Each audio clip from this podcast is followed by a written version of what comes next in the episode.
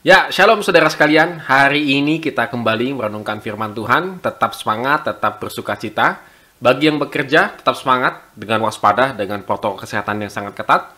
Dan juga bagi saudara-saudara yang masih ada di rumah, ya tetap semangat juga ya. Walaupun membosankan mungkin berada di rumah karena pergerakan kita, mobilitas kita hanya di sekitar-sekitar kompleks saja mungkin gitu ya.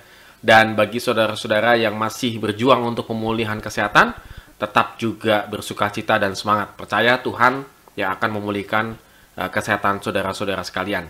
Ya, hari ini kita akan merenungkan dari 1 Raja-Raja 21 ayat 1 sampai yang ke-29.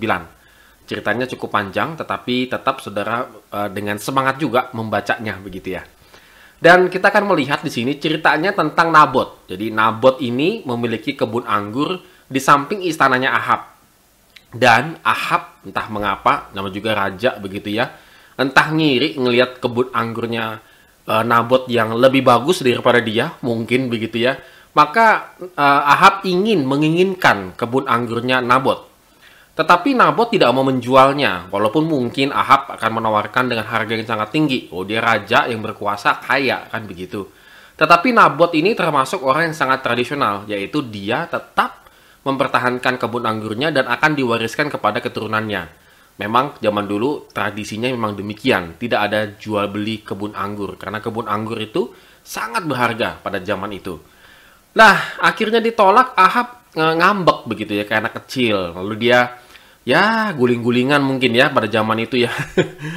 dia uh, geletak-geletakan begitu sehingga ngambek lah kayak anak kecil.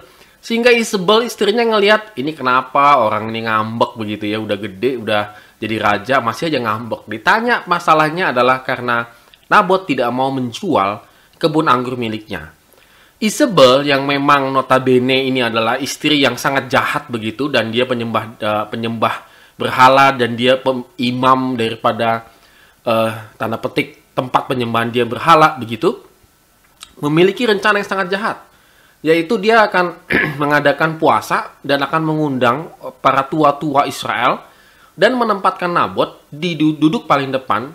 Lalu di depannya dia duduk dua orang yang jahat, Dursila itu jahat, yang akan memperhatikan Nabot dan akan mengeluarkan saksi dusta bahwa Nabot itu telah e, menghina Tuhan Allah. Zaman dulu menghina Tuhan Allah berarti hukumannya hukuman mati. Dan inilah yang dilakukan oleh Isabel dan ternyata berhasil. Akhirnya Nabot dijebak menjadi fitnahan, lalu dia dihukum mati, dilempar, dirajam dengan batu sampai mati. Nah, dari sini kita bisa melihat bagaimana sebenarnya Isabel yang sangat jahat itu bisa mendapatkan kebutnya Nabot. Tetapi Ahab, kalau kita lihat satu sisi yang lainnya, itu memang tidak tidak menginginkan langsung. Padahal dia kan raja ya. Seharusnya kan dia bisa langsung memerintahkan merampas miliknya Nabot. Tetapi Ahab tidak melakukannya. Entah mengapa Ahab raja penyembah berhala, tetapi dia tidak mau melukai orang yang tanda petik tidak berdosa, begitu rakyatnya sendiri yang tidak bersalah. Tetapi karena ini istrinya dan dia menerima apa yang diberikan oleh Isabel istrinya ini, maka Tuhan mengutus Elia untuk menegur, memperingatkan dengan keras. Bahwa salah satunya bahwa nanti Isabel akan mati dimakan anjing dan juga bagaimana Ahab itu akan kehilangan ke dinastinya, apa kehilangan dinastinya gitu ya, kerajaannya ini. Ahab sadar dan dia bertobat. Dan memang janji Tuhan kepada Ahab memang tidak akan engkau alami kehancuran dinastimu tetapi nanti ke pada keturunan berikutnya.